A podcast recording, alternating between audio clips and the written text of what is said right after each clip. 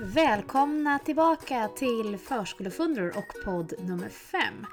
Idag ska vi prata om undervisning med de yngsta. Vad kan det vara? Hur går den till? Hur präglas vi och vår undervisning av vår historia? Och hur kan vi se på de yngstas lärande och vad de gör och översätta det till läroplanens mål?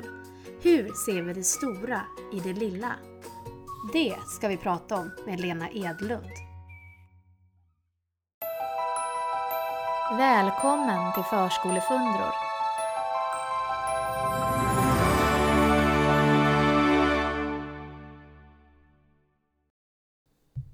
Jäkligt bra att man kan klippa i en podd måste jag ju säga när man ska leta reda på telefonnummer. Det är alltid lika spännande att ringa. Nu ska vi ringa upp Lena som sitter hemma hos Katarina på lärarfortbildningar. Det är så man får jobba, teamwork. Nu ska vi se här. Hej Lena! Hör du mig? Jag hör dig superbra. För nu har jag telefonerna framför mig här. Ja, ja men jättebra. Vad härligt att Katarina kunde hjälpa till. Ja, jätteskönt. Hon är en klippa. Jaha, vi hjälper varandra att lyckas, eller hur? Ja, så Ja. är det. Ja. Vad roligt att du kunde ta dig lite tid så här på söndag förmiddagen. Ja, men jättekul att prata med dig förstås. Ja, men det är ju alltid kul att snacka, eller hur? Det är ju inte så himla ofta som vi ses och hörs. Nej, det är det inte. Det är lite tråkigt. Ni är så många Ja, där uppe det. i Stockholm som är så goa. Ja. Ja, ja, detsamma. Men, men, det finns ju telefon, eller hur? Ja då, det gör ju det.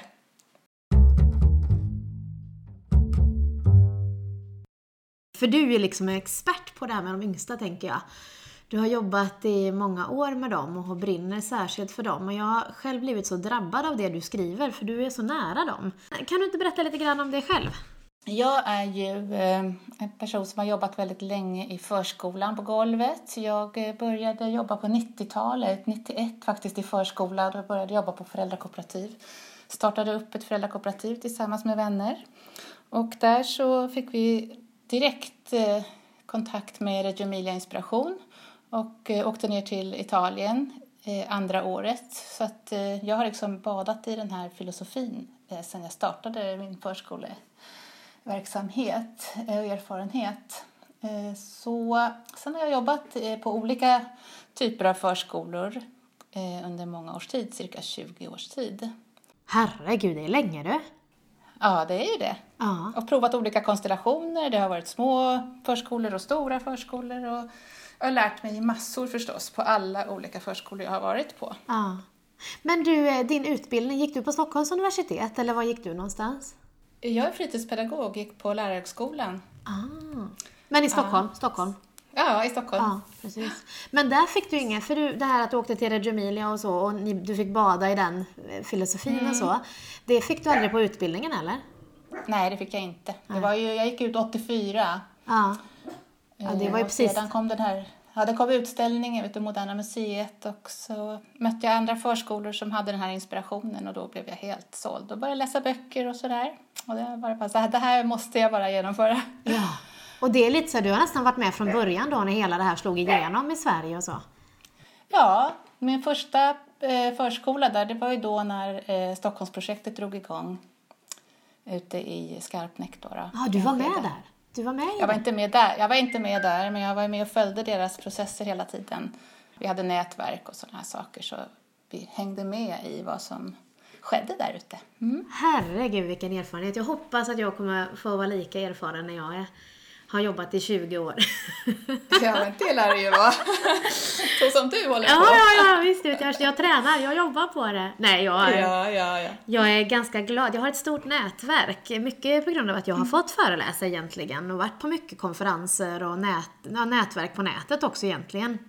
Ja, jag tror att det är genom nätverk man lär sig väldigt mycket. Att få kontakt med andra, se hur de gör, testa, pröva igen. Ja. Eh, att vara stillastående på en plats eller liksom samma personer hela tiden, det kan ju vara tryggt och, man kan få till en väldigt bra verksamhet men eh, man utmanas ju inte på samma sätt som när man möter andra. Nej. Där undrar jag ju hur mycket, hur mycket eh, sociala medier egentligen har bidragit till nätverkandet och den här beprövade erfarenheten i Sverige egentligen.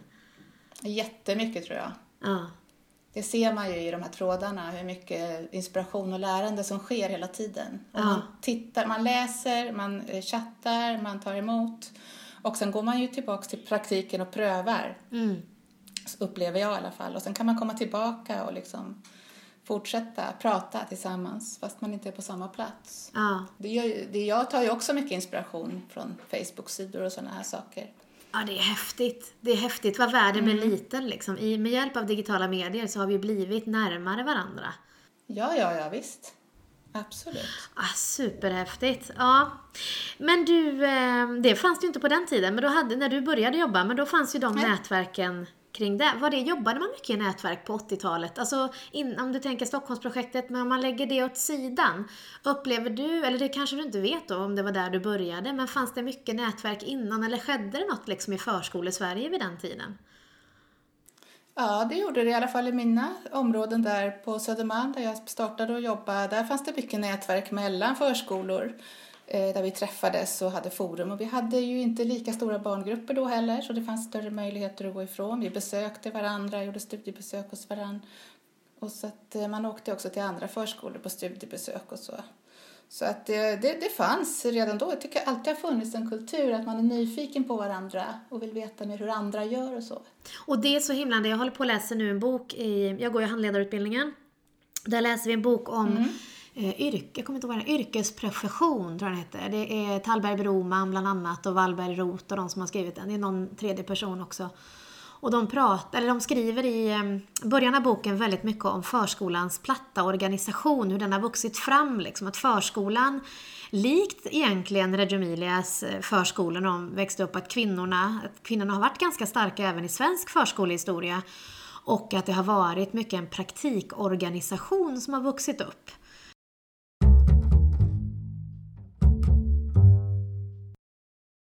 Doris! Doris! Tack, det räcker. Jag har en jätte, jättevaktig eh, chihuahua här, förstår du? Två sekunder Lena, bara. Jag ska bara ta henne. Doris. Det här är helt okej om du är tyst nu. Det hade varit så bra. Det roligaste är att vi ska, vi ska skaffa en till också. Ja, jag såg Så vi det. måste få bukt med det här skällandet. Ja, det är inte lätt alltså. Nej, de är ju alarmhundar. Så de kommer ju säga till så. Ja, och så får man inte heller, man, man får inte bestraffa det heller, utan, för då blir de ännu hetsigare liksom. Ja visst, jag har provat med köttbullar än så länge. Det, är det, det bästa här, få hennes uppmärksamhet. Ja, ja. Nej men eh, vad tänkte jag, vad pratade vi om? Vi pratade om, jo, förskolans Jo, här historia. Med, ja, och det här med platta, platt, eh, Mm. formen och att eh, vi, har, vi gjorde lite som vi ville på 70 och 80-talet och det fanns en kraft i det, tänker jag. Ja, men du känner igen det, den här platta, för det, det lämnar de också att Ja, det. Att det här med Absolut. att, eh, att det var väldigt mycket självbestämmande och sen så när man placerades in liksom i ett system mer, när andra skulle visa på hur man skulle jobba, Mm. så där har det krockat och att det kanske också ligger just i den här eh, de här hierarkierna som vi håller på att bråka med nu kopplat till olika roller i förskolan. Att eftersom praktiken har varit liksom grundstommen i förskolans verksamhet och så säger man helt plötsligt att teori är viktigt. Eh, och så har vi det här samhället där vi ibland värdesätter teorier mer än praktik. Att det finns liksom massa kulturella saker här som bråkar med oss när vi försöker förstå förskolarens ansvar kopplat till barnskötaren till exempel. Mm. Alltså det jag upplever som vi har tappat från den tiden det är ju den här lekfullheten, eh, att gå på intuition, att lyssna av vad, vad ska jag göra just nu med den här barngruppen. Ja. Eh, som vi var liksom mästare på på den tiden. Och så att byta blick då från barnet till eh, styrdokument och vad vi måste göra och vad andra säger att vi ska göra, då har det blivit ett glapp däremellan. Och jag tänker att i den här boken så, jag uttrycker det inte så, men det som jag skriver om kring de här estetiska lärprocesserna handlar lite grann om det. Att faktiskt använda de här kroppsliga estetiska uttrycken, fortsätta med det som vi var så bra på, det lekfulla, att faktiskt ha liksom stunder av, där vi har planerat att barnen ska få sjunga och dansa och använda oss av dockor skriver jag om och sådana här saker som jag tycker har glömts bort. Ja.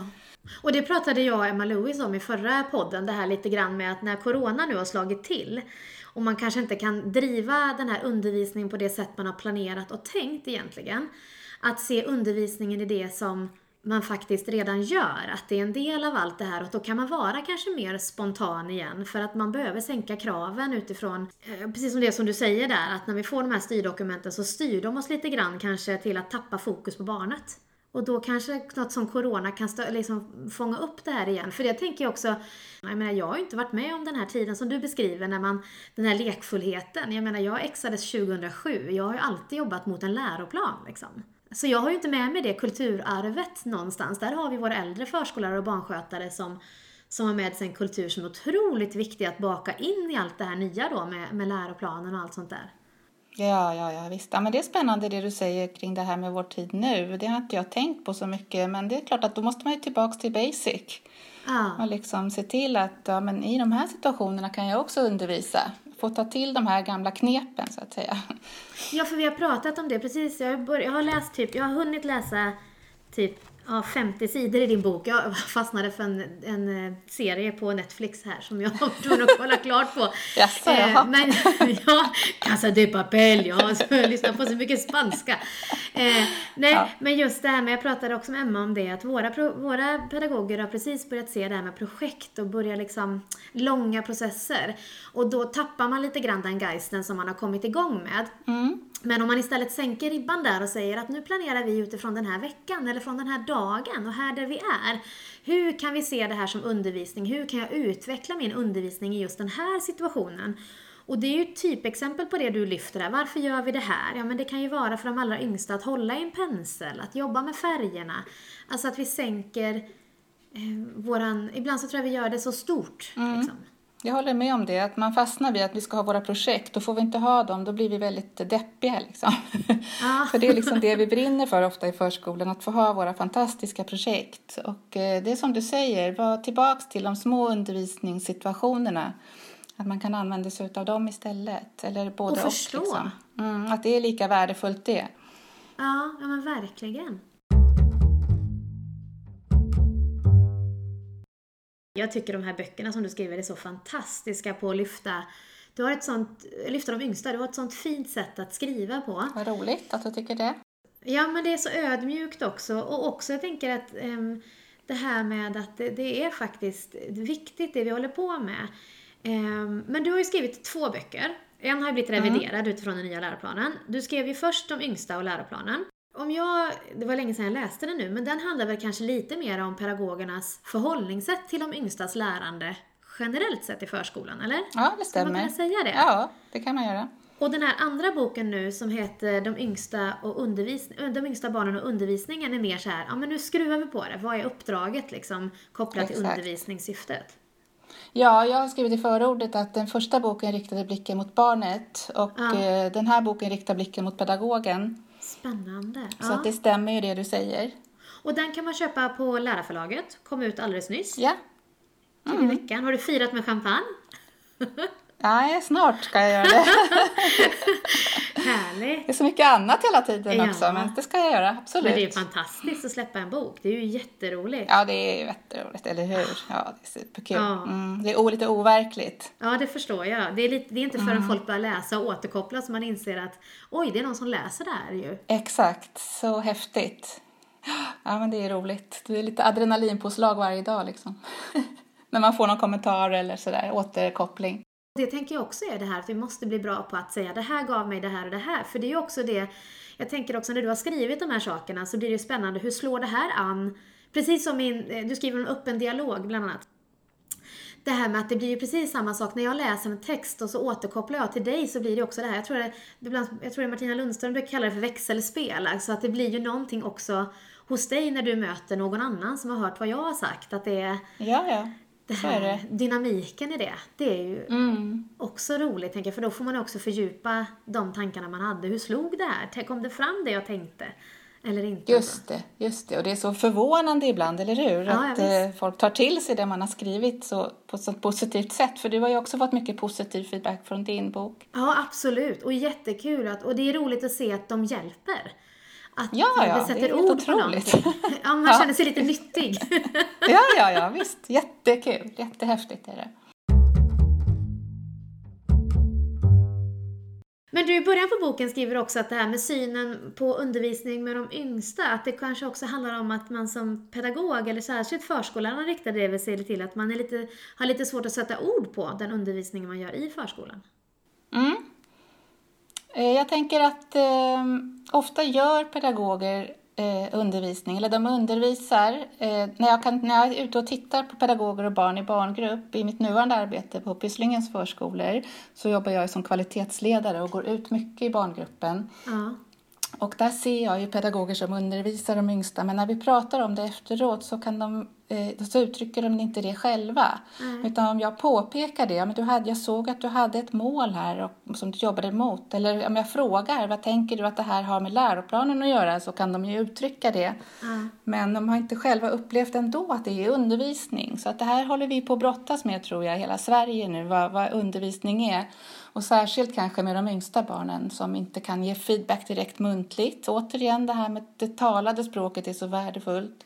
Och att förstå att ett litet barn tar åt sig undervisningen som jag ger eh, genom sin kropp och sina, sitt minspel. När vi pratar om det, då skiner pedagogerna upp och de vet.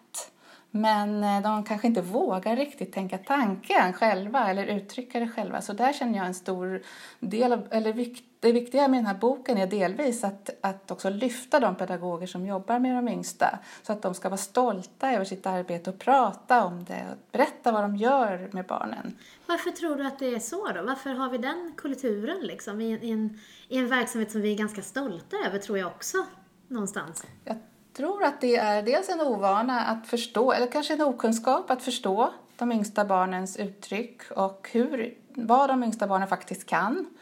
Eh, så att det är en underskattad åldersgrupp men också underskattade pedagoger som jag tror också faktiskt uppifrån, alltså lednings, eh, folkrektorer kanske inte lyfter fram de som jobbar med de yngsta barnen på till exempel APT eller planeringsdagar där andra pedagoger som jobbar med de äldre kanske får berätta om sina fantastiska projekt som de har gjort eller så. Eller på konferenser och så här så är det ofta äldrebarnspedagoger på förskolan som får berätta. Ja. Men de yngsta peda barnens pedagoger, de har inte fått frågan tror jag heller så ofta. Och det är en kultur som du säger. Jag tror att det handlar om värdet av det lilla barnet, att det är så pass lågt fortfarande på något konstigt sätt. Eh, och eh, också en idé om att man kanske inte behöver kunna så mycket för att jobba med de yngsta barnen. För där är det väl mest barnpassning. Jag tänker, det låter ju hemskt att säga att vi tänker så i förskolan, men tyvärr jag har jobbat som eh, konsult också på lärarfortbildning under många år och där har jag träffat folk i hela landet och just när det gäller de yngsta så har pedagogerna själva vittnat om att de syns, de ses ofta som att de bara byter blöjor på barnen. Tyvärr, det är inte mitt påhitt utan jag har faktiskt fått höra det från många. Att det finns en sån kultur inne i förskolorna alltså. Det är ju jättehemskt Ja, det. om det finns den kulturen. För vi har pratat jättemycket, jag återkommer ju till Gråbo i varenda podd, men det är ju för att det är där jag är och är min praktik. Men där pratar vi jättemycket ur styrgruppen där jag sitter med mina chefer och min specialpedagog, att de här yngsta, yngst, yngrebarnsavdelningarna blir ju de som är de absolut viktigaste för att det är där vi lägger grunden för det, det som man sen kan jobba med på äldrebarnsavdelningarna. Egentligen har man inte den grunden så, så är det, alltså, nej, det är ju superviktigt. Ja, och där skriver jag i boken också om det här med den röda tråden. Att eh, faktiskt hela förskolan måste sätta sig ner och prata om eh, vad barnen behöver få för undervisning när de är ett år respektive fem år. För det kan bli ett jätteglapp däremellan åt båda håll. Jag kan ju få höra pedagoger som är så här oroliga att släppa sin barngrupp till nästa avdelning för de vet de är osäkra på om de pedagogerna faktiskt kommer ta hand om det barnen har lärt sig och utmana det vidare. Och även pedagoger som jobbar med fyra femåringar som kan tycka att, att det är jobbigt att eh, de barn som de ska få inte har fått träna på vissa saker och vissa färdigheter och så här. Här kommer sax, saxarna till exempel, är en typ Ja. klassiker. Tvätta penslarna. Just det. Ehm, ja, sådana saker. Att hantera att man inte ska slita sönder böckerna och sådana här saker. Men där funderar jag på, vi har ju haft, vi har ju haft en 1-5-årskultur ganska länge. Alltså, ursprungligen så var det ju väldigt mycket åldershomogena grupper, om jag inte minns, jag har inte full koll här nu. Men det var väl mer åldershomogena grupper längre bak i tiden? Att man jobbade småbarn och äldre barn? Ja, det har funnits både och kan man säga. Men... Ja, men var det inte sen när man kom med syskonen och så, att man började ha 1-5-grupper just? Att då växte det, syskon, syskongrupperna? Det fanns till och med sådana här grupper som eh, var integrerade med fritidshem när jag gick, ut min, ut, när jag gick min utbildning. Då var det 1 till, eh, 1 till 12. Åh, Ja, det var speciellt. ja, det var en parentes. Men där har jag också funderat på det här när man jobbade 1-5. För jag, jag, jag har jobbat både 1-5, jag har jobbat åldershomogent och nu i Gråbo så har vi 1-3, 3-5. Och där ställer vi oss frågor hela tiden. Är det verkligen 1-3 och 3-5 vi ska jobba? Och de har jobbat väldigt mycket 1-5 tidigare i historien då. För där tänker jag också att när man jobbar 1-5 så är det väldigt lätt att man missar de här yngsta. Där är det ju nästan så att de yngsta får omsorg. Eh, och då kommer de, de försvinner liksom iväg för att det här lärandet, det pratar vi mer om äldre som man ser. De, det blir liksom massa osynlighetslager i, i en 1-5-årsavdelning. Att de äldre kanske inte får samma omsorg som de skulle behöva. Eh, utan det är mer fokus då på undervisning och lärande och de yngre får mer fokus på omsorg. Inte så mycket kopplat till de andra målen utanför normer och värden och, och, trygghet och anknytning och allt det här. Det blir ju lätt en, eh, det blir en åldersdiskriminering kan man säga för de yngsta barnen för de får aldrig uttrycka sig på sitt sätt eftersom det talade språket alltid dominerade från tre års ålder i alla fall och uppåt Eh, så blir det väldigt mycket det sättet att kommunicera på och då ger man inte utrymme för de här yngsta som kanske sitter och viftar och visar saker eh, som ingen ser då. Jag tänker att eh, 1-5 är egentligen kanske treåringarnas bästa verksamhet då som får lite av varje men både ettåringar och femåringar, om man ska generalisera, kan ju faktiskt missa väldigt mycket, som du, precis som du säger. Ja. Och sen beror det också på hur gruppen ser ut. Jag vet när vi jobbade, eh, när jag jobbade 3-5 själv som förskollärare, så hade vi två eller tre treåringar och jättemånga femåringar.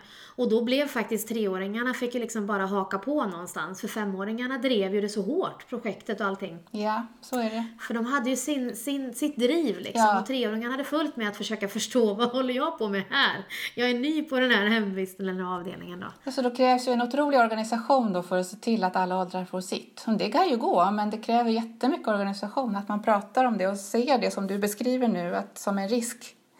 Och diskuterar den risken, så att säga. Så att man eh, säkerställer att det inte blir så.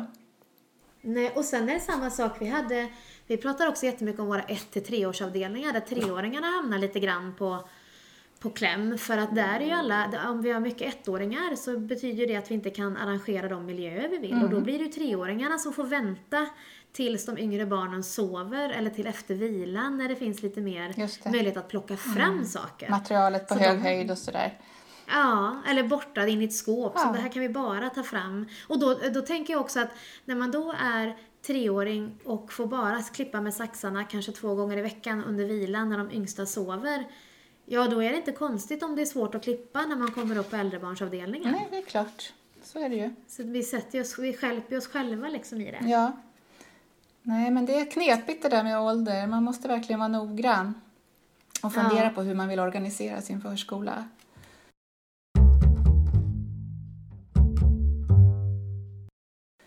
Men det tänker jag också blir väldigt tydligt. Som sagt, de sidorna jag har läst, det här är också en progression som vi pratar om.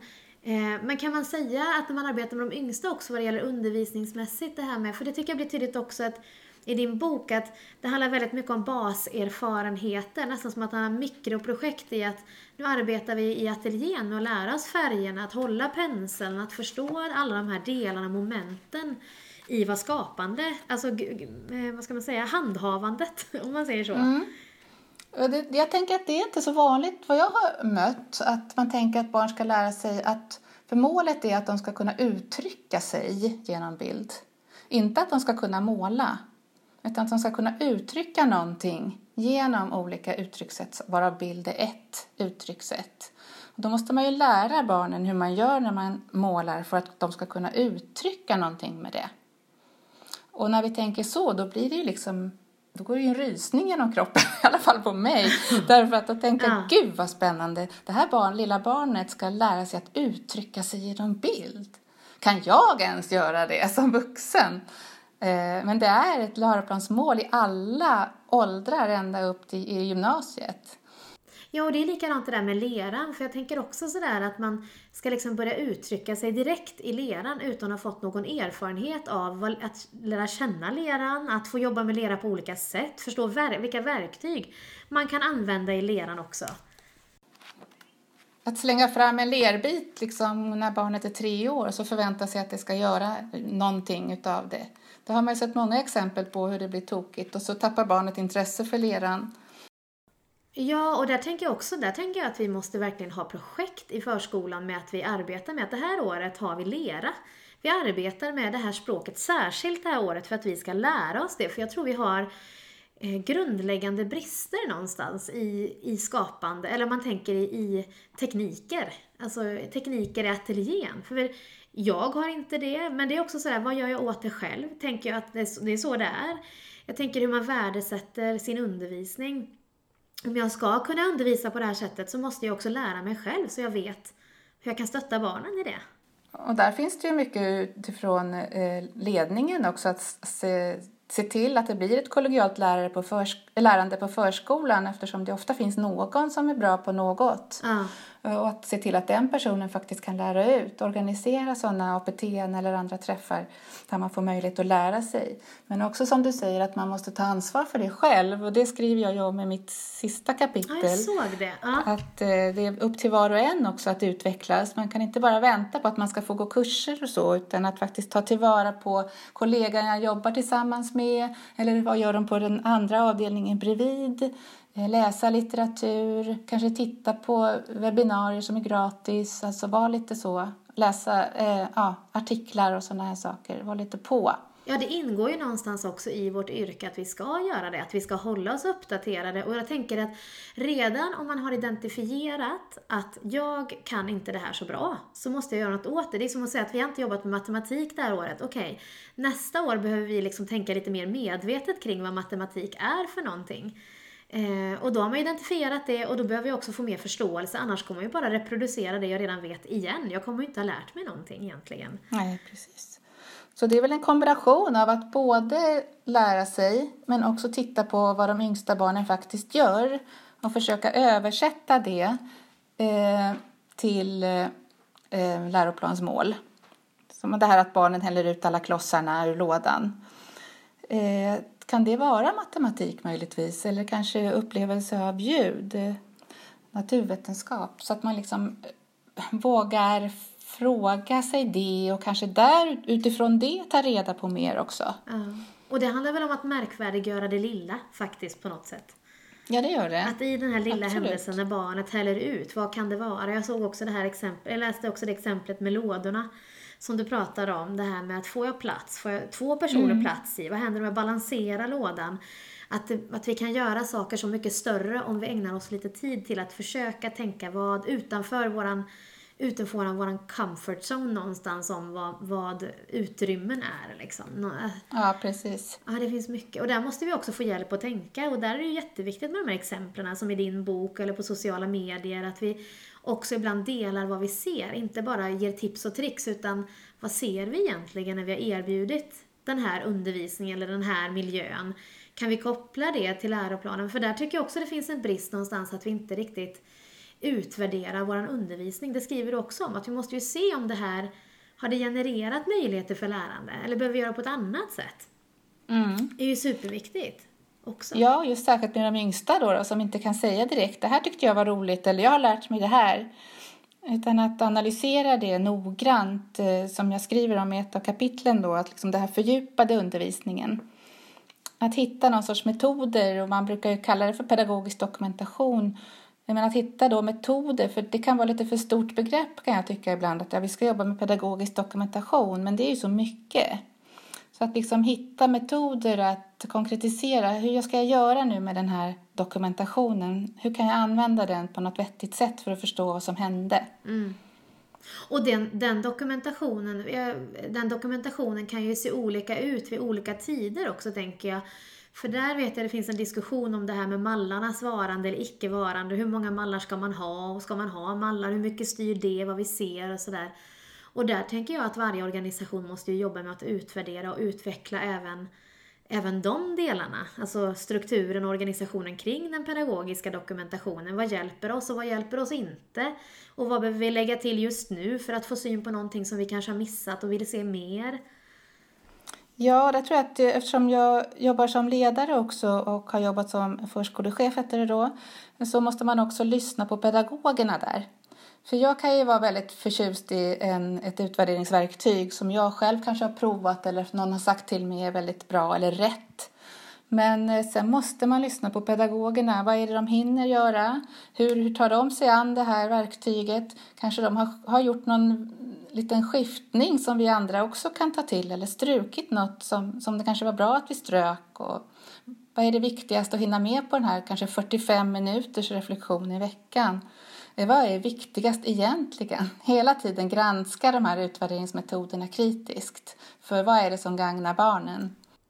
Men där tycker jag också det blir väldigt tydligt i din bok, det här med struktur och organisation.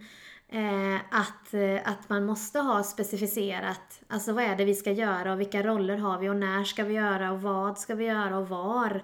För det tycker jag vi håller på att jobba med jättemycket nu hos oss. Det här med att nu har vi börjat försöka titta mer på vad det är som händer. Men det gör också att vi ibland ställer oss lite för mycket avvaktande bakom och vi planerar inte så mycket utan det blir lite grann vad det blir. Eh, men där blir ju undervisningen också, alltså den ska ju vara målstyrd så jag måste ju också fundera Dels på hur ska jag rigga den här undervisningssituationen och sen utvärdera också vad behöver jag förändra kopplat till undervisningen. Men där upplever jag i alla fall att vi är väldigt mycket just nu när vi håller på att lära oss det här med att dokumentera och framförallt observera. Vad är det som sker i observationen? Så då tappar man andra delar för man håller på att lära sig ett nytt moment någonstans. Mm, kan precis. du hänga med på vad jag ja, menar? Ja, det gör jag. Eh, och det är väl tillbaks till det där då. Vad såg du i observationen? Kan du skriva bara två ord på en post-it-lapp liksom? Eh, för att ofta så reflekterar pedagogen mitt i undervisningssituationen väldigt mycket. Eller direkt efteråt med sin kollega muntligt. Och det är ju otroligt värdefulla tankar som finns där i pedagogernas huvud och i deras eh, prat. Och där brukar jag försöka eh, påminna eller uppmuntra till att har ni skrivit någonting så att ni kommer ihåg det här?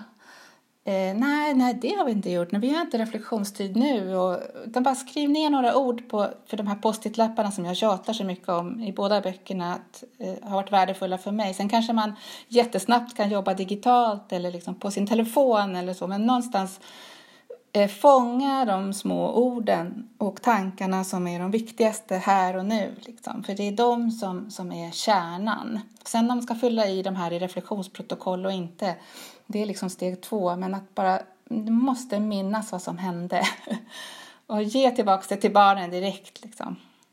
För man överskattar lite grann vad man minns också. Ja, det gör man ju absolut, absolut.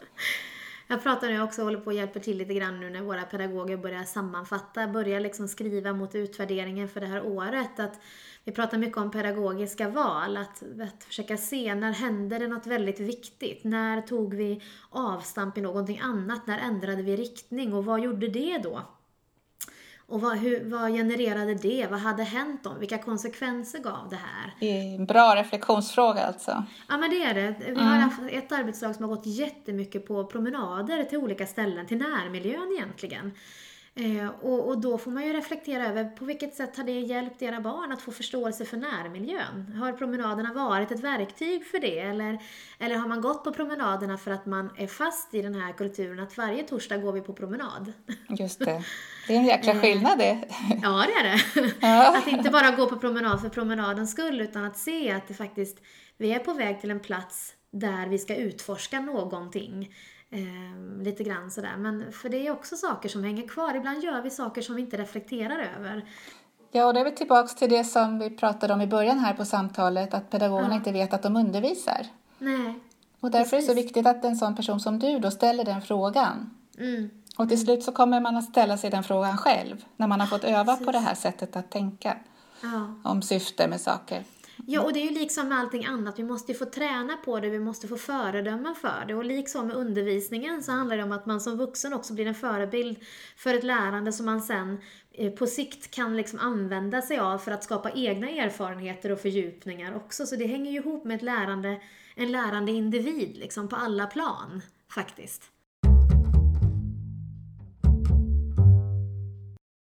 Men du, där måste jag ju fråga en sak till, apropå tid till lärande och utforskande, för det skriver du också om, det här att få göra många gånger. Och där kan jag uppleva att som yngre barnspedagog, att det kan bli svårt, för att eh, när man håller på att lära sig att lyssna på vad barnen, efter den här uppmärksamheten, den här öppna dialogen någonstans, så kan det vara lätt att man hamnar i ett ganska starkt avvaktande där man väntar på att det ska ske något magiskt med barnen. Att man inte är med och, och stöttar någonstans. Eller att man fortsätter en aktivitet många, många gånger men man tillför liksom inget nytt utan man tänker att barnen ska få vara i det här många, många gånger. Vad krävs för att kunna vara i en process länge så att det också tillförs nya saker någonstans? Så det inte blir att vi är fyra veckor i skogen för att se vad barnen gör.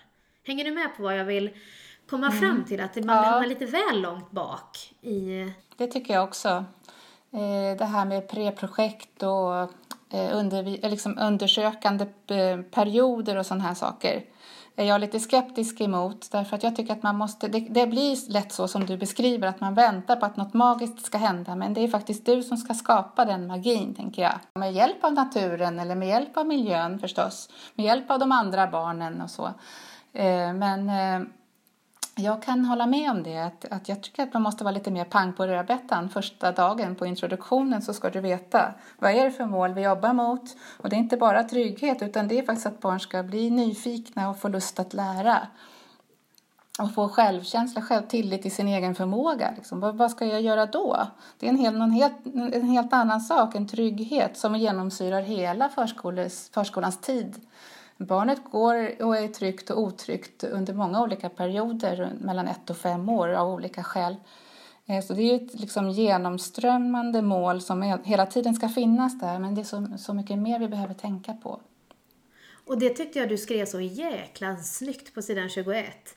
Att vända på det där, att eh, en, från att det här med att barnet ska få känna sig trygg i relation till oss på förskolan, den här traditionella anknytningen till, till, till förskolan någonstans, som vi pratar om.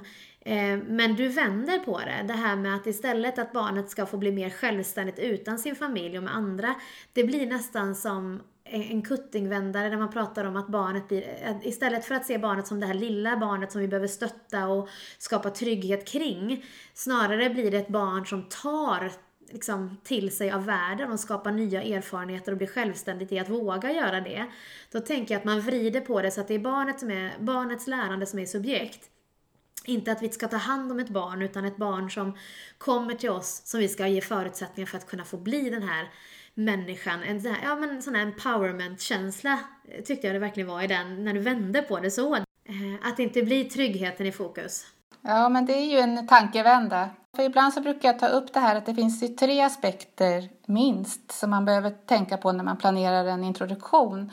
Dels är det att pedagogen ska finnas där eh, och knyta an till. Men sen är det också barngruppen.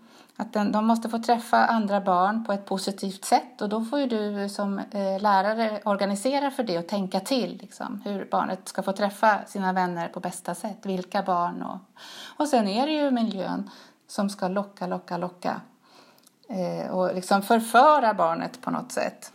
Varför är man så fast i det här med omsorg och anknytning och det lilla, lilla barnet som liksom någonstans ska få, som jag säger ibland att det är som ett inväntande varande tills man kan göra någonting. Jag tror att det är för att det är där vi har forskningen. Ja, med anknytningen alltså, tänker du ja, då särskilt eller? Ja. ja. och anknytningsteorin är, ju inte ens egentligen gjord på förskoleverksamhet. Den är Nej. gjord på barnhem ursprungligen. Mm, mm. Eh, men det är klart att den är viktig, alltså. det vill jag inte sticka under stol med, men det är inte det enda som är viktigt. Och det är väl där det brister lite grann i hur vi har tagit till oss eh, Just det finns inte så mycket forskning på yngsta barnen överlag. Så det som finns, det tar man liksom. Ja, men du var väl med på den när lärarfortbildning hade den här, utbild eller den här konferensen i Göteborg för några år sedan när det var han, eh, vad heter han, Gredebäck? Ja, just det. Han, va? Just mm. det. Och han pratade om, han menade ju på att an, att prata anknytning i förskolan är helt fel. Det vi egentligen pratar om är trygghet. Och att använda anknytningsbegreppet eller anknytningsteori i förskolan egentligen är fel om man säger så, för det är, inte, det är inte den teorin vi pratar om. Nej, det är den som sker mellan barn och förälder. Men det, vi använder ju det kanske mer som ett begrepp för att förstå någonting, kanske snarare än, än teorin liksom. Ja, det tror jag. Och jag tänker att vi måste också vara, vi pedagoger som jobbar med de yngsta måste vara där för att kunna knyta an till om barnet behöver det. Och det är klart att vissa barn behöver mig som eh, vuxen att bli trygg hos och komma till och söka stöd. Det är jätteviktigt att vi finns där då. Och det kan ju också brista ibland tyvärr. Eh, så att vi bara springer runt och inte finns där, står fast och är tydliga, intresserade, positiva och glada och ser det här lilla barnet som kommer till oss. Det måste vi göra. Och jag kan tycka ibland att det blir, har blivit lite tokigt även med det, apropå gamla traditioner. Mm. Att vi springer runt och vi ska dokumentera och vi ska fixa med miljön och, och det är liksom mycket annat. Eh, så att det inte finns en, ett en vuxen där som faktiskt är synlig för de barn som behöver det. Men jag har ju också varit med om att barn har sprungit förbi mig när jag har stått där med min varma famn och eh, glada röst och bara rakt in till de andra barnen och till, eller till material så att de har struntat i mig under hela introduktionen. Och det är ju fantastiskt det också. Ja. Och det, där kommer jag då till det här exemplet som jag nämnde förut, det här med, på, det här med barnet. Jag tänker på det här med barnet som går fram och tillbaka, som, som har precis lämnat mm. eh, och går fram och tillbaka till dörren och till fönstret och gråter och sen går barnet tillbaka till aktiviteten och så. Och då kan det ju lätt, man kan ju lätt tänka att det här barnet är otryggt på något sätt. Mm. Liksom att ja, men hon eller han har inte släppt riktigt än, det är precis början och sådär, har kommit på det om man säger så. Att nu ska jag vara här. Men samtidigt tänker jag att det är ju precis så här det är precis så här ba, små barn, de yngsta, särskilt de yngsta utforskar, att man går fram och tillbaka. Man behöver liksom få jobba i en aktivitet en liten kort stund och sen så få göra någonting annat, eh, liksom få tillbaka energi för att sen gå tillbaka fokuserat en liten stund, att gå fram och tillbaka. Eh, och det är ju precis det det här barnet gör också i sin sorg eller sin liksom, eh, saknad efter sin förälder, tänker jag. Och det är ju egentligen inte skillnad mot andra. Vi tolkade det också faktiskt. Det här handlar om ett speciellt barn då, som jag tänker på när jag skriver och där tolkade vi också mycket, att det var mycket ilska. Ja, ja. Så här, vad fan är det min förälder någonstans? ja, precis. Okej då, jag går väl tillbaka och leker lite till då. ja, vänta jag får göra något annat så länge. ja, vi behöver ju prata om det här. Hur tolkar vi barns uttryck? Ja, och, och att rätten att få vara arg, för det vet jag också. Ja när jag jobbade att vi pratade, det är så lätt att man vill liksom få det här lilla barnet att sluta och gråta. Så att man tar upp i famnen eller man sitter och ja, mamma kommer sen, mamma kommer sen. Istället för att säga att jag hör dig. Ja, jag hör att du är ledsen eller jag hör att du är arg. Man får vara arg. Eller jag tänker på det här också när man lämnar. Ja. När vi har barn som är så arga. Liksom. Mm. Eh, och det är ju och rätten att få vara arg. Precis. Att få skrika. Utan att någon säger att nu, nu, så ja, så ja, mamma kommer sen, mamma kommer sen. Att det är en slags bort, en avledningsmanöver. Vilket man ibland behöver också göra såklart. För att få ett bryt i någonting, att man behöver göra något annat. Men, men rätten att få vara arg vid en introduktion, att, eller när man kommer till förskolan också. Ja, när man jobbar med de yngsta barnen kan man liksom inte vara rädd för känslor, utan alla känslor måste få finnas. Eh, och det pågår ju under några år liksom, med de yngsta, att det är mycket känslor. Och det måste man klara av att hantera som pedagog. Och det tycker jag man måste prata om med varandra och stötta varandra i, för det kan vara rätt tufft att liksom andas i det. Jag vet att det här kommer gå över, jag vet att det kommer bli bra. Kommer ihåg förra inskolningen? Det tog ju tre veckor men vilket fantastiskt tid vi hade sen och det här är känslor som ska ut. Vi respekterar barnen. Vad gör vi, vad gör vi nu med det här barnet som går fram till dörren och pekar ut? Ja, liksom så att man pratar jättemycket om det och inte bara suckar och tänker gud stackars barn eller vad jobbigt det är att skola in barn. Liksom. Men det, det är tufft, det är jättetufft. Ja, det är det. Och särskilt också om man går i några veckor så kan, så kan det vara så. Men också som du säger, att ha den här grundläggande tryggheten i att det här är fullt normalt. Du är också inne på vårdnadshavarens sorg eller vårdnadshavarens behov, för det är ju faktiskt också, man lämnar ifrån sig det käraste man har någonstans. Eh, och att också få bli hörd för den oron, tänker jag. Eh, att bli sedd, Jätte, jätteviktigt. För det skapar ju också tillit, tänker ja, jag, mellan förskola och hem också. Att man hör, jag hör att du är orolig. Vi kan göra så här om du är orolig. Ska vi göra så att vi filmar och skickar? Ska vi ha ett samtal? Ska vi, vad vill du att vi behöver göra för att du ska känna dig trygg? När du har lämnat till exempel. Ja, du får stanna kvar kanske. Du får vara kvar längre. Det är en viktig del, tänker jag, i de här tre dagars inskolningarna som är så eh, florerande nu. Att liksom du måste ju då vara öppen för att det finns också en möjlighet att utöka tiden och sådana här saker. Så att man inte blir för, för strikt, liksom. man utgår från varje familj, absolut. Men där kan, man ju, där kan ju föräldrarna också behöva vägledning att våga gå. Så att det, det, det här är avancerade grejer alltså. Och det är det jag menar att det här behöver pedagogerna få cred för och handledning i. Det är en väldigt stor del av arbetet med de yngsta, det är ju att jobba med vårdnadshavarna.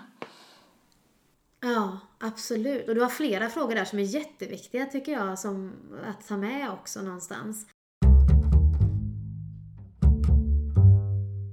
Men sen också en sak, för du säger ju inskolning nu. Jag förstår att du blandar också, jag blandar också hejvilt. Men eh, jag lyfte också med, vem var det? Jag tror det var Emma också vi pratade om, introduktion och inskolning och sådär. Jag, jag kollade upp lite grann och 2016 när vi reviderade läroplanen då så står det ju, när förskollärarens ansvar skrevs fram, så står det att förskolläraren ansvarar för att varje barn ska få en bra introduktion till förskolan. Så där byter man ju begrepp från inskolning till introduktion. Eh, har du några tankar om varför man har bytt ut begreppet så? Nej, jag vet inte varför man har det, men jag tänker att det är bekvämare att säga introduktion därför att inskolningen känns så, så mycket skola. Och att man skolar, skolar in, liksom, det låter eh, inte som att det är riktigt det vi gör om jag tänker på vad är den processen.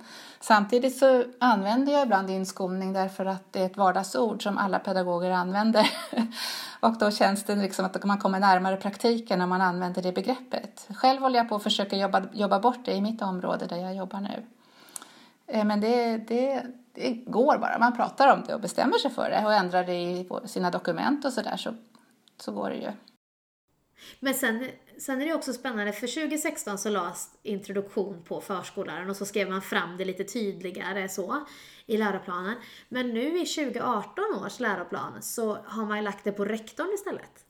Man har ju, det står ju inte längre med att det är förskolläraren som har ansvar för det här utan det är ju rektorn som ansvarar att varje, att varje barn och varje familj får en bra introduktion till förskolan. Och där undrar jag lite grann varför man har flyttat över det på rektorn för det är ju också Indirekt så är det ju, även om rektorn är ansvarig för den utbildning och undervisning som, som sker liksom, på förskolorna, så är det ändå pedagogerna som möjliggör det här på ett helt annat sätt kanske. Jag vet inte hur, eller om de tänker att det är kopplat till skolan, att man med skollagen där, att det var tvunget att flyttas till rektorn då eftersom det blev rektor och inte förskolechef längre. Jag vet inte. Jag vet inte vad deras tankar är, men för min del så blir det väldigt eh, självklart att det är rektor som ska ansvara eftersom annars blir det lätt att varje avdelning gör som man vill. Mm, mm. Och man har ju väldigt många olika metoder, kanske ja. på, på samma förskoleområde, alltså på olika förskolor, kanske också till och med på olika avdelningar. Så har man olika metoder och de metoderna kan ju då baseras på olika teoretiska utgångspunkter, lite grann som vi har pratat alldeles nyss. Vilken blick på barnet utgår man ifrån och så. Eh, så att därför tänker jag att det är viktigt att rektor tar ansvar för eh, metodiken och liksom förhållningssättet i sin, sina förskolors introduktion, för det är en så pass viktig process. Men det är bara mina tankar. Ja, för det, jag håller ju med om det. Men så tänker jag att det är även generellt sett med allt. Så egentligen hade man ju lätt kunnat skrivit fram det som att rektorn ansvarar för allt. Liksom. Mm. Men, men, eh, jag vet inte, jag bara spånar nu. Men jag, jag har någon känsla. Det kunde ha varit förskollärarens ansvar lika väl menar ja, du? Men jag tänker precis som att det är förskollärarens ansvar att undervisa till exempel. Att det är liksom, för det ligger ju på det ligger ju på förskolläraren till exempel. Men jag, jag tror, eller jag vet inte, men jag känner mig ganska säker. Jag har säkert jättefel. Men, men jag tror att det kan ha att göra precis som att vi skrev in undervisning i läroplanen. Många säger att det skrevs in 2018, men det har ju gällt sedan 2010. Ja. Eh, att det är liksom att man har skrivit om, när man skrev om hela läroplanen så reviderade man också efter de, eh, de andra styrdokument och lagar som vi har. Och jag vet inte hur det ser ut för skolan då, men jag tror att det här med att rektorn ansvarar för eh, just det här med eh, övergångar och allt sånt där, att det liksom ska, att de säkerställs någonstans. Så kan det vara, absolut. Eh, det vet inte jag, jag heller. Jag vet inte, det behöver jag kolla upp. Då får vi fråga någon som vet. det är ändå spännande att de har flyttat ifrån, för varför skrev de inte det redan 2016 då? Tänker jag. Ja, det, det måste jag också undersöka. Det, ja, nej, jag tycker det är lite intressant. Jo, men också det här med varför vi använder, varför vad är bakgrunden till när ord implementeras i läroplanen? Hur har man förankrat det i, i verksamheten? För jag tänker då om vi pratar om introduktion som började gälla då 2016, men vi säger fortfarande inskolning. Och är det så då att när läroplanerna är ganska lika mot hur de alltid har sett ut så har vi liksom inte implementerat dem ordentligt. Vi, vi implementerar inte förändringarna för vi är så grundtrygga i 98 års läroplan fastän den egentligen har förändrats med åren. Så är det ju. Och, och där är det väl också viktigt att de som ansvarar för olika delar i förskoleverksamheten faktiskt tar upp de här begreppen en efter en och ser till att de blir naturliga. Det som är förändrat. Ja, ja, jag tänker att det är mycket, det hänger ihop mycket med förskolans verksamhet, att vi är doers och ibland så kanske vi också gör, eller det är i alla fall min upplevelse, att vi är en väldigt, som återigen en ganska praktikstark verksamhet, vilket gör att vi ibland också eh, gör saker väldigt snabbt, vi hoppar på saker men vi kanske inte förankrade i just eh, teorier eller undervisning eller att vi är så vana vid att ta praktiken för vad den är, att vi också glömmer av att koppla ihop den till en mer analytisk del om man säger. Oh ja, oh ja. Ja, ja. så är det ju. Och det är himla spännande när man börjar göra det. Men man måste göra det på ett roligt sätt alltså. Eh, så att det känns kul och intressant. Så att det inte blir så här, åh herregud, ska jag läsa det här också? Varför ska jag, vad ska jag basera till forskning allting man gör? Och oj, oj, oj. Utan att det blir på ett kul sätt, liksom wow. Och ofta tycker jag att det kan bli som det blev när jag skrev den här boken. Eh, att eh, jag berättar ju väldigt mycket om min praktik. Vad jag gjorde med de yngsta barnen som pedagog. Men eh, sen när man skriver en bok måste man ju också se, stämmer det här med forskning? Eller är det beprövad erfarenhet? Eller vad är det här för någonting? Och när man då börjar titta på forskningen så blir man ju ofta bekräftad. Att eh, jaha, men det står ju också i den här forskningen att det jag gör med barnen, eller vi gör med barnen, faktiskt är bra för barnen. Eller att den här forskaren har också sett att barn gör på det här sättet och att eh, matematik till exempel kan vara att, att krypa upp och ner ur en låda. Wow, då blir det liksom också roligt att få den vetenskapliga grunden på något sätt, att praktiken blir bekräftad i den. Och det är så jag tycker man ska ta sig an eh, forskning som, som steg ett. Om man är liksom en eh, barnskötare i, i praktik som jobbar och kanske inte har så mycket tid att läsa och undersöka, att faktiskt på något sätt titta på vad är det vi gör och hur kan vi eh, hitta någonting om det i forskning? Istället för att läsa forskning och sen försöka göra. Nej. Men är det inte det också som jag tänker förskolan har fått? Jo, det har väl att göra med de här olika, olika stegen i, i hur, hur vår styrning har sett ut och så. Men är det inte det också som förskolan har fått kritik för? Att vi ofta gör efterkonstruktioner. Och jag tänker att det kanske man behöver göra för att etablera den här basen av förståelse så att man sen kan göra och se att det här, när barnen utforskar lådor så vet vi om att det här är ett sätt för barnen att matematisera som du skriver i din bok. Mm. Då blir det nästa steg så att säga. Så jag tänker för den vanliga pedagogen som kanske inte har tid eller uppdraget att se till att du jobbar utifrån forskning, det är inte den personens ansvar, så kan man ändå för att utveckla sig själv nyfiket gå in och titta liksom, på någon forskningsartikel och se att men det är precis så här som vi faktiskt gör. Och då kan ju också ett intresse väckas som inte blir så, det blir inte så allvarligt då utan då kan det bli så, gud jag vill, jag vill veta mer. Sen förskollärarna behöver ju på det som du beskriver veta att det vi gör är eh, forskningsbaserat. Men jag tycker att man ska gå båda vägarna. Jag tycker det är viktigt att gå båda vägarna. Så att man inte, efter konstruktionen, jag tycker praktiken är så pass viktig eh, så att den är ju värd att liksom titta på och spegla sig i forskning från det hållet också. Jag tycker inte alls att det är fel. Nej. Nej, och jag tänker att man behöver både teori och praktik och teori, att man behöver dem och alltså att alla, det bara går som en cykel och de kompletterar ja. varandra hela tiden då. Precis. Och sen när du läser om den där forskningen, som om man läste till exempel Svindlande matematik, som jag nämner i boken, som är väldigt lustfyllt skriven, den boken, då får man ju också inspiration till att faktiskt, ja, men då ska vi gå till broar nästa gång för att barnen ska få uppleva den svindlande känslan i kroppen. Jag kanske började att hitta någonting där utifrån mitt eget praktikperspektiv men sen läser jag också någonting mer som gör att jag vill gå ut och göra något nytt. Så det är som du säger, det är ett växelspel där. Men är inte det då, där tänker jag att vår stora svårighet i förskolan har varit lite grann, för jag tänker att vi har, vi har så mycket praktik, vi, det sker så mycket eh, det här som vi pratar om, när barn, för barn använder ju hela sin kropp hela tiden för att utforska matematiska begrepp egentligen. Men vi, när vi har lärt oss om matematik så har vi inte lärt oss det matematiska utforskandet utan vi har lärt oss den här ganska abstrakta matematiken, det vill säga att vi ska räkna 1, 2, 3, 4, 5, 6. Hänger du med på vad jag kommer åt? Att vi har inte det fysiska lärandet, vi har det teoretiska lärandet. Ja, och då tänker jag att eh, det som är viktigt då, det är för förut då när vi, eh, så, när vi inte jobbade medvetet med, att vi inte hade det här kravet på att vi ska jobba med matematik till exempel, då, då säger du, skedde det matematik ändå, men på något sätt så visste vi inte det. Utan när barnen öste och hällde och tömde och fyllde i sandlådan, då tänkte inte alla att det var matematik, förstår du, eller naturvetenskap, utan då tänkte man att barnen, har, barnen leker och har roligt. Absolut. Och varför gjorde vi inte det? Därför att vi inte hade, nu generaliserar jag jättemycket och mycket utifrån min, min, mitt, mig själv liksom, och mina kollegor. Eh, då tänkte man mer att här är det roligt för barnen att vara. Här sker ett socialt samspel, för det var vi ju väldigt skickliga på att se, det sociala samspelet. Och det var också det vi hade i de riktlinjer vi hade på den tiden, att se till att barnen socialiserade sig med varandra. Då kunde vi se det. Och det lever ju kvar jättestarkt nu också. Ja, ja det är jättestarkt. Men jag tänker att det, det som är skillnaden med att vi sätter barn i sandlådan och ser att de öser och häller, det är att vi nu eh, måste på något sätt förstå och veta om och prata om att det är matematiska och naturvetenskapliga undersökningar. För att om vi inte pratar om det, då kommer vi inte att tillföra något nytt. Nej. Och det handlar ju också någonstans om att se barnets värde som lärande människa från dag ett. Liksom. Mm. Ja, Precis. Ehm, för att om man säger att det bara är kul.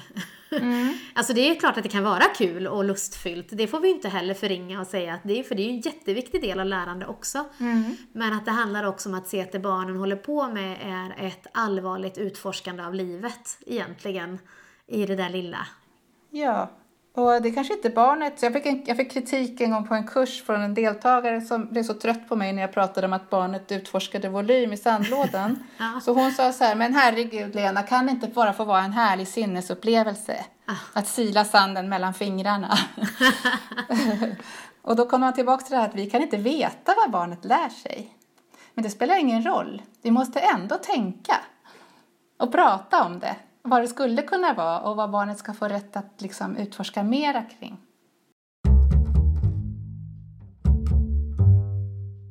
För det är också det här begreppet estetik som estetiska lärprocesser har ju blivit en liten slags jag tänker när vi pratade om när jag var klar lärare så pratade vi om estetiska lärprocesser, lärprocesser. Men många gånger så kopplar man ihop det med skapande verksamhet. Men det är ju inte riktigt samma sak. För estetik handlar ju om förnimmelser eh, att få uppleva någonstans. Och där tänker jag också att det kan hjälpa oss att se värdet i att det handlar om att få många sätt att förstå någonting. Men eh, för där blir det ju en praktisk koppling till att estetiska lärprocesser, det handlar om att vi målar, att vi håller på med lera, att vi använder de här olika uttryckssätten. Men estetik handlar ju också om att få skapa en känsla, en relation på flera sätt till någonting också. Mm. Absolut, och där tänker jag att det är nästan lättare med de yngsta att få fatt i det. Därför att vi översvämmas inte av ord då, utan vi ser bara dessa kroppar och dessa liksom uttryck i ansiktet och eh, tjut och glädjeskutt liksom. Som där man verkligen ser de här förnimmelserna som du beskriver så fint. Och där blir man nästan smittad också av barnen, tycker jag, när man jobbar med de yngsta. Att man blir nästan likadan själv. Att man liksom tycker det är härligt att plaska i vattnet och känna den här vinden i, i, i håret. Och liksom, ja, det är nästan så att man blir likadan. Det är himla härligt faktiskt. Ja men och det tänker jag också att man är en lyhörd pedagog som försöker förstå också tänker jag att vi kan inte, för då kommer man återigen till den här avvaktande pedagogen att om jag står bredvid och bara ler och säger det så här, bra, bra, ehm, eh, vad roligt eller att man liksom bekräftar barnet så men ibland behöver man också göra för att faktiskt verkligen förstå vad är det barnet kan känna.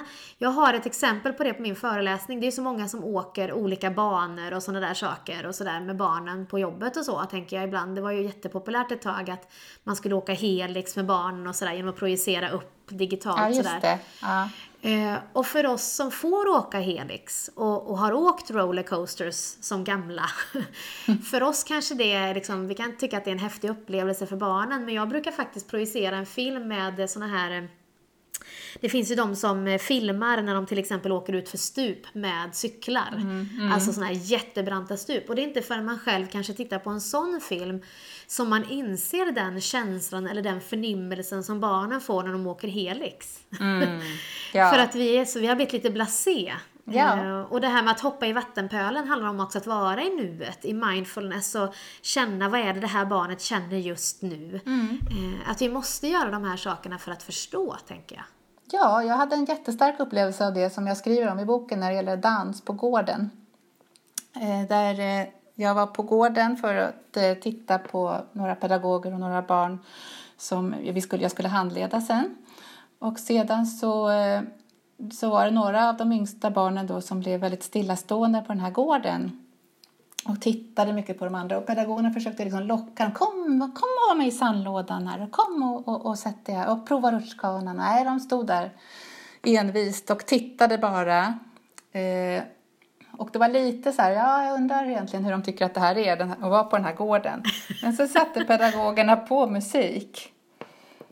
Och så, då såg man liksom hur deras kroppar började röra sig, hur ögonen tändes. Och jag kände i min kropp, jag kan inte stå still. Det var så bra musik också. så att jag började också dansa och alla pedagoger började dansa. Och liksom, då kände man att gud, det här är någonting som händer i våra kroppar på grund av den här musiken. Och det var ett sånt där jättehärligt tillfälle för oss alla. Liksom. Det var så, så fantastisk upplevelse. Och då tänker man liksom vad viktigt de här ry rysningarna är för barnen att få känna.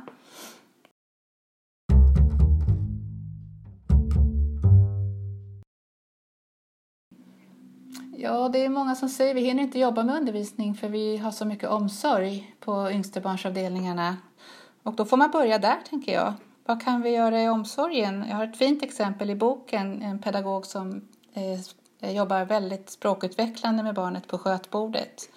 Och det är liksom helt fantastiskt. Hon har dokumenterat flera tillfällen eh, med samma barn vid skötbordet och hur språket utvecklas för varje gång. Liksom, då har barnet lärt sig någonting mer, ett, ett ord till och så.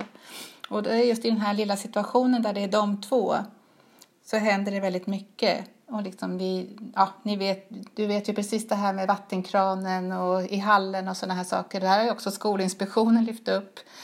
Eh, hur mycket, och jag tänker att man kan läsa liksom Skolinspektionens rapport bara för att få inspiration.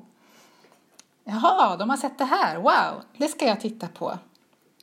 Eh, och utveckla. För i hallen och är vi ju varje dag. Ja, och det kanske också handlar om att välja något litet att börja med. För det är så många saker vi behöver jobba med. Vi har ju, vi har ju pratat jättemycket här. Eh, och det är ju jättesvårt att jobba med allting samtidigt. Men också den här systematiken som du säger, hon på skötbordet där. Genom att man dokumenterar någonting så kan man ju också se hur undervisningen utvecklas. Och då gör man ju också en Ja. praktikerfarenhet. eh, Och utvecklar den här tysta kunskapen någonstans. Synliggör den. För det är ju den vi pratar om. Den tysta kunskapen som alla pedagogerna bär. Men som inte riktigt kan komma till ord ibland. Och den kan inte alltid komma till ord. Tänker jag. Den finns där och pågår, men vi ska veta om att den gör det. Att, att värdesätta det och se det som... Eh, för ofta när jag säger att du ska undervisa här och nu på golvet, kan jag säga på, till en grupp av pedagoger som jobbar med de yngsta, då är det som att de blir liksom Åh, vad skönt att du säger det. Därför att man tror att man ska liksom, det ska vara en planerad aktivitet och den ska genomföras på ett visst sätt. Och då ska det vara den här gruppen och då ska de andra vara ute och vi ska stänga dörren och liksom och det är klart att vi ska ha sådana saker, situationer också. Men eh, liksom, sätt dig ner och var med barnen. Liksom tillbaka lite kring det jag skriver i den första boken. Att vi behöver ha ett växelspel däremellan. Att så himla krångligt är det faktiskt inte. Men du måste bara veta vad du håller på med. Det är mer det, prata om det. Härligt Lena! Där tror jag att vi behöver runda av återigen. Det blir ju bara timmar, vi, åh, jag kan ju sitta och köta längre men, eh, men eh, jag ska klippa ihop det här också. Eh, Men jag tycker att det är jättekul att du har kommit med den nya boken. Jag ska försöka få på mina yngre barns pedagoger att läsa den för den, eh, jag tänker att vi behöver, vi behöver mer om de yngsta.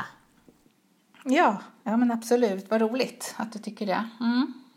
Just med de yngsta, jag tror du skrev det i början av boken, det här någonstans om att där krävs det extra mycket kunskap om att se saker, att kunna sätta ihop saker på ett sätt. För där handlar det så mycket om vad vi tolkar in vad barnen gör.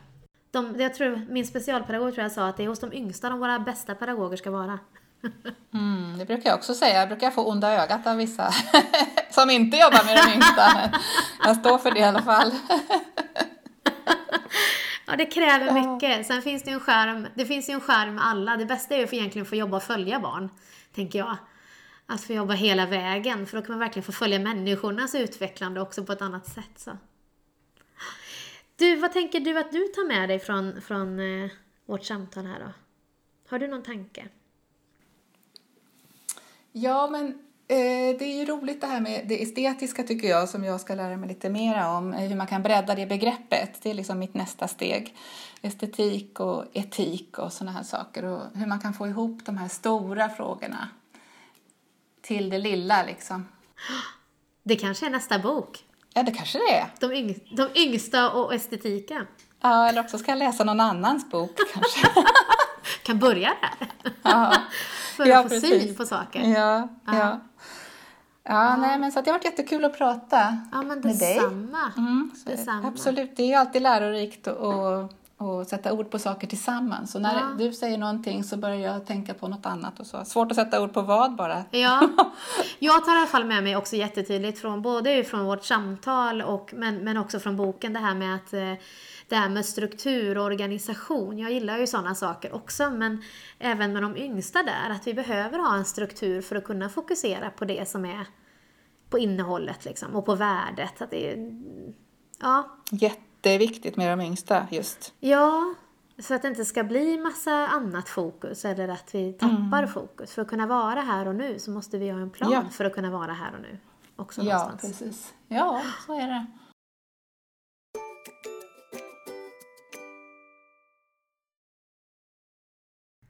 Ja, avsnitten blir längre och längre och som vanligt vindlar tankarna högt och lågt tillsammans med den jag möter det är otroligt inspirerande att höra eh, och, och, prata med människor som har tänkt mycket på saker.